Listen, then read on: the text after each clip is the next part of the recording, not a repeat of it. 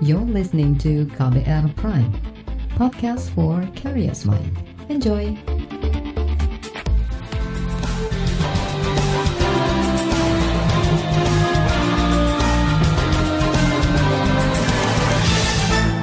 Halo saudara, senang sekali kami bisa menyapa Anda kembali dalam program KBR Sore, edisi Selasa 25 Mei 2021. Saya Malika kembali menemani Anda selama kurang lebih 30 menit ke depan. Sore ini kita akan mengulas nasib 75 pegawai Komisi Pemberantasan Korupsi KPK yang dinonaktifkan karena tidak lolos tes wawasan kebangsaan.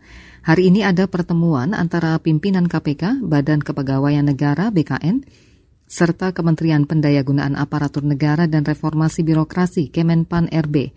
Pertemuan itu untuk membahas nasib mereka yang dianggap tidak memenuhi syarat beralih status jadi aparatur sipil negara.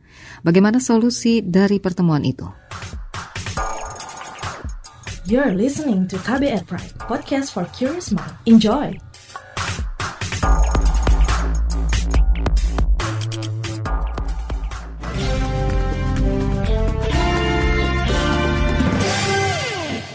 Polemik 75 pegawai Komisi Pemberantasan Korupsi KPK yang tak lolos asesmen memasuki babak baru. Para pegawai mengadu ke Komisi Nasional Hak Asasi Manusia Komnas HAM. Mereka menuding ada pelanggaran HAM yang dilakukan oleh pimpinan KPK. Berikut laporan khas KBR yang disusun jurnalis Wahyu Setiawan. Pimpinan KPK hingga kini belum mengambil keputusan soal nasib 75 pegawai yang tak lolos tes wawasan kebangsaan TWK.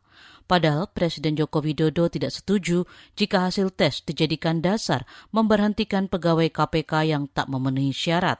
Sepekan berlalu, pimpinan KPK tak kunjung mencabut penonaktifan 75 pegawainya. Polemik ini pun memasuki babak baru perwakilan 75 pegawai yang tak lolos tes mendatangi Komnas HAM Senin kemarin. Mereka mengadukan dugaan pelanggaran HAM yang dilakukan pimpinan KPK atas penonaktifan puluhan pegawai yang tak lolos TWK. Tes itu merupakan salah satu rangkaian dari alih status pegawai KPK menjadi aparatur sipil negara ASN. Tes digelar Badan Kepegawaian Negara BKN sepanjang 18 Maret hingga 9 April 2021.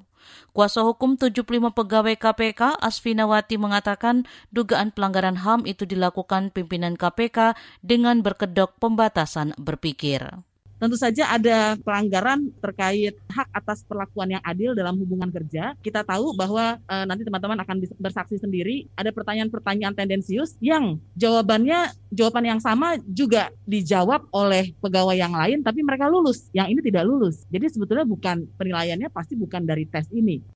Asfinawati menambahkan dugaan lainnya adalah pelanggaran hak berserikat dan berkumpul, pelanggaran hubungan yang adil dalam pekerjaan, diskriminasi terhadap perempuan dalam tes, dan pelanggaran terhadap pembela HAM Novel Baswedan. Selain itu, dia juga menduga kuat ada pelanggaran terhadap kebebasan berpendapat, sebab sebagian dari 75 pegawai itu selama ini lantang menolak kehadiran Firly Bahuri dan ikut serta dalam judicial review Undang-Undang KPK. Salah satu pegawai yang tidak lolos Novel Baswedan menuding pimpinan KPK melakukan tindakan sewenang-wenang yang berujung melanggar HAM. Menurut Novel, tes tersebut hanya cara pimpinan KPK untuk menyingkirkan para pegawai berintegritas. Hal ini bukan baru pertama kali, sudah berkali-kali dilakukan. Dan ini rasanya suatu hal yang paling banyak dan serius. Oleh karena itu, hal ini menjadi hal yang penting sekali. Ini bukan hanya terkait dengan dampak yang terjadi kepada pegawai KPK yang akan diberlakukan dengan semena-mena, tapi juga terkait dengan kami yang telah bekerja dan kemudian dengan adanya SK yang dikeluarkan oleh pimpinan KPK, maka akan terlunda-lunda pekerjaan dan membuat kami tidak bisa bekerja atau tidak bisa melakukan tugas. Komnas HAM akan segera membentuk tim investigasi setelah menerima pengaduan tersebut. Komisioner Komnas HAM Khairul Anam mengatakan telah menerima sejumlah dokumen untuk melengkapi berkas pelaporan. Dia mengklaim dokumen itu sudah cukup jelas sebagai pertimbangan penyelidikan Komnas HAM. Kami sudah mendapatkan berbagai informasi yang menurut kami uh, sangat penting dan terus terang saja informasi ini jauh lebih komprehensif yang kami terima daripada kami sekedar membaca berita. Jadi memang kami dijelaskan bagaimana proses, substansi, bahkan postur kira-kira kenapa itu terjadi, Ketua Komnas HAM Ahmad Taufan Damanik mengatakan lembaganya akan menyelidiki dugaan pelanggaran HAM dalam kebijakan penonaktifan 75 pegawai KPK. Dia menekankan langkah ini penting dilakukan guna memastikan upaya pemberantasan korupsi terus berjalan. Kami eh, ingin memastikan bahwa setiap langkah atau setiap kebijakan dari lembaga negara mana pun di Indonesia ini tanpa terkecuali itu dipastikan bahwa dia harus memenuhi standar uh, dan norma hak asasi manusia. Dalam bahasa asasi selalu dikatakan uh, degree of compliance. Jadi yang kita mau akan uji nanti itu adalah uh, derajat uh, kepatuhan ya, kepada standar dan norma hak asasi manusia yang sudah menjadi bagian dari prinsip dan norma kehidupan bernegara kita di Republik ini. Taufan meminta sejumlah pihak terkait dalam permasalahan ini, utamanya pimpinan KPK, bersikap kooperatif. Juga kepada pimpinan KPK kami mintakan sekali lagi uh, untuk juga nanti kooperatif memberikan informasi-informasi yang dibutuhkan oleh tim kami dan juga terbuka bagi siapa saja pada masyarakat luas juga kalau ada eh, bahan-bahan uh, yang bisa atau dianggap bisa memperkuat uh, penyelidikan ini nanti uh, mohon segera disampaikan ke Komnas HAM. Sementara itu, KPK menyerahkan tindak lanjut pelaporan tersebut kepada Komnas HAM sesuai tugas dan kewenangannya. Juru bicara KPK Ali Fikri mengatakan KPK menghormati langkah yang diambil 75 pegawainya. Demikian laporan khas KBR yang disusun Wahyu Setiawan. Saya Fitri Anggreni. You're listening to KBR Pride, podcast for curious mind. Enjoy!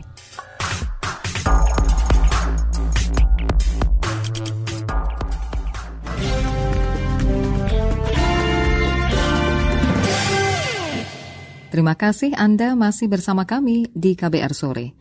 Saudara, sejumlah lembaga membahas nasib 75 pegawai Komisi Pemberantasan Korupsi KPK yang dinonaktifkan dari tugas. Mereka terancam dipecat karena tidak lolos tes wawasan kebangsaan. Pertemuan yang digelar sejak pagi tadi itu melibatkan sejumlah pihak, seperti pimpinan KPK, Kementerian Pendayagunaan Aparatur Negara, Badan Kepegawaian Negara, hingga Kementerian Hukum dan HAM. Menteri Hukum dan HAM Yasona Lauli mengatakan hingga siang tadi belum ada hasil dari pertemuan itu.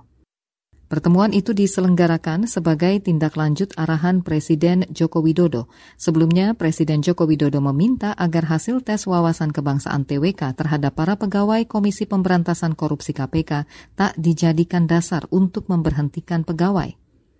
Jokowi mengatakan dalam misi pemberantasan korupsi, KPK harus memiliki pegawai terbaik dan berkomitmen tinggi. Karena itu pengalihan status pegawai KPK menjadi aparatur sipil negara ASN harus menjadi bagian dari upaya untuk pemberantasan korupsi yang lebih sistematis. Jokowi juga mengatakan bila tes wawasan kebangsaan dianggap ada kekurangan, maka semestinya masih ada peluang untuk memperbaiki. Salah satunya melalui pendidikan kedinasan tentang wawasan kebangsaan dan langkah-langkah perbaikan di level individual maupun organisasi. Jokowi juga menegaskan keputusan pimpinan KPK harus sesuai dengan pertimbangan Mahkamah Konstitusi MK dalam putusan uji materi Undang-Undang Nomor 19 Tahun 2019. Isi dari undang-undang tersebut menyatakan bahwa proses pengalihan status pegawai KPK menjadi ASN tidak boleh merugikan hak pegawai KPK untuk diangkat menjadi ASN. Di lain pihak, Komisi DPR yang membidangi urusan dalam negeri berencana memanggil Menteri Pendayagunaan Aparatur Negara dan Reformasi Birokrasi Menpan RB Cahyo Kumolo dan Kepala Badan Kepegawaian Negara BKN Bima Haria Wibisana. Pemanggilan itu terkait kisruh alih status pegawai KPK menjadi aparatur sipil negara yang jadi sorotan publik. Sorotan itu karena penyidik senior KPK Novel Baswedan bersama 74 pegawai lainnya dinyatakan tidak lolos TWK. Bahkan mereka kini juga sudah dinonaktifkan dari pekerjaannya masing-masing di KPK. Ketua Komisi 2 DPR Ahmad Doli Kurnia Tanjung kemarin mengatakan pemanggilan itu untuk mengetahui lebih rinci bagaimana proses alih status kepegawaian dari pegawai KPK menjadi ASN. Kepala BKN untuk meminta keterangan atau penjelasan lebih lanjut kan karena kan kita harus tahu persis dulu prosesnya itu seperti apa ya kan uh, apakah memang uh, tim seleksi yang dibentuk itu uh, itu melibatkan uh, Kementerian Pan RB atau BKN gitu dan itu yang menjadi concern kita. Makanya nanti hari Senin kita akan cari informasi yang lebih lanjut seperti itu. Itu tadi Ketua Komisi Urusan Dalam Negeri di DPR Ahmad Doli Kurnia Tanjung. Sementara itu, Wakil Ketua Komisi 2 DPR Syamsurizal menegaskan Kementerian Aparatur Negara maupun Badan Kepegawaian Negara BKN harus bisa menjelaskan dampak dan pengaruh tes wawasan kebangsaan terhadap alih status pegawai KPK menjadi ASN. Begitu juga dengan bagaimana nasib alih status menjadi ASN terhadap 75 pegawai KPK yang tidak lolos tes wawasan kebangsaan. Itu tadi Wakil Ketua Komisi 2 DPR Syamsuriza. Saudara, bagaimana tanggapan dan harapan dari kuasa hukum 75 pegawai KPK terhadap pertemuan sejumlah lembaga negara itu? Simak perbincangannya sesaat lagi, tetaplah di KBR Sore. You're listening to KBR Pride, podcast for curious mind. Enjoy!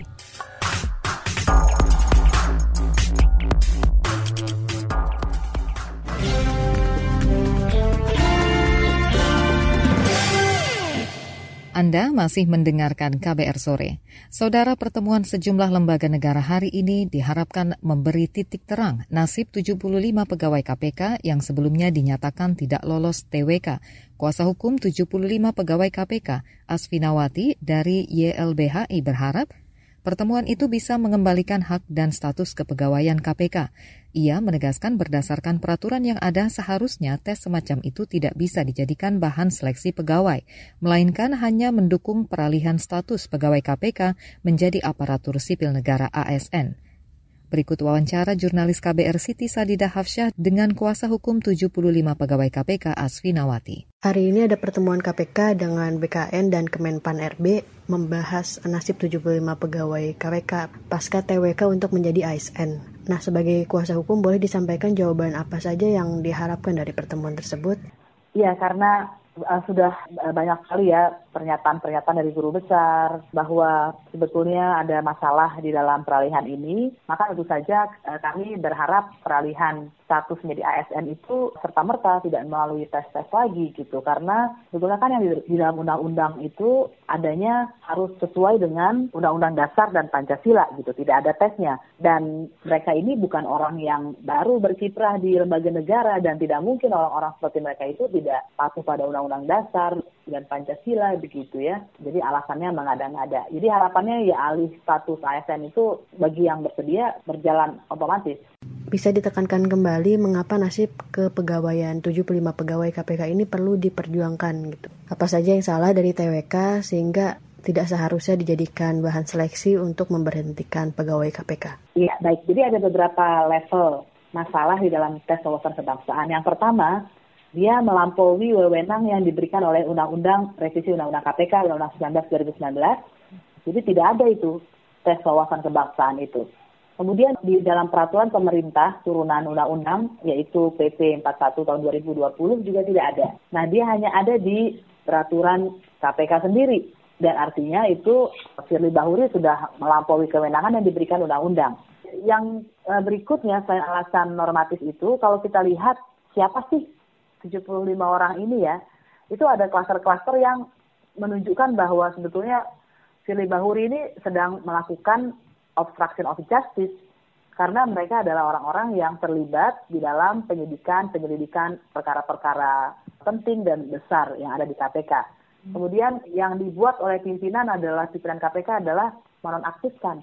Nah, nonaktif itu kan tidak ada aturannya.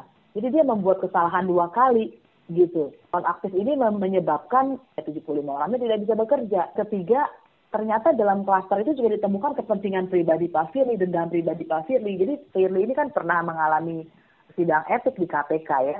Orang-orang yang menyidangkan dia itu nggak lulus. Nah ini kan tendensius sekali.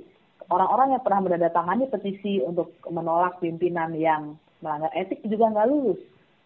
Jadi sebetulnya kalau nanti BKN atau Menpan RB mengikuti maunya Firly, mereka sebetulnya sedang terjebak di dalam kepentingan, salah satunya kepentingan pribadi Firly dan uh, dalam konteks yang lebih besar seperti yang dituliskan dalam surat para guru besar ke uh, Presiden Jokowi, uh, mereka sedang menyokong sebuah obstruction of justice gitu ya, uh, dan harapan kami ya itu tidak dilakukan. Jika pertemuan ini tidak menghasilkan solusi yang sesuai harapan, langkah hukum apa yang akan dilakukan oleh 75 pegawai KPK bersama kuasa hukum, Mbak?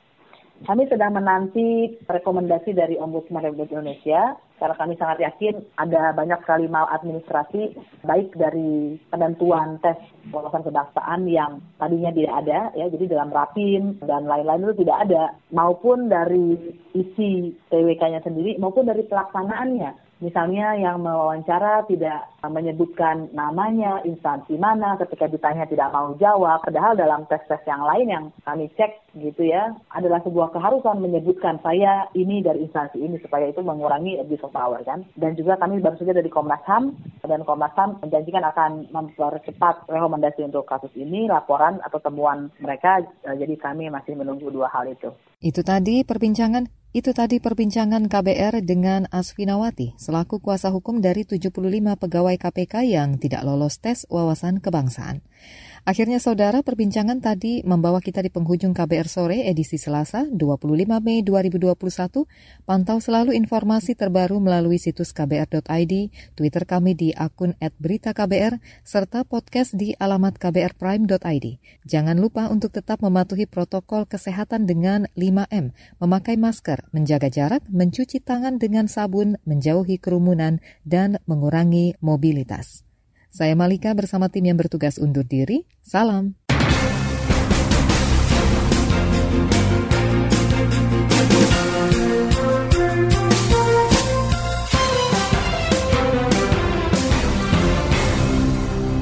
KBR Prime, cara asik mendengar berita. KBR Prime, podcast for curious mind.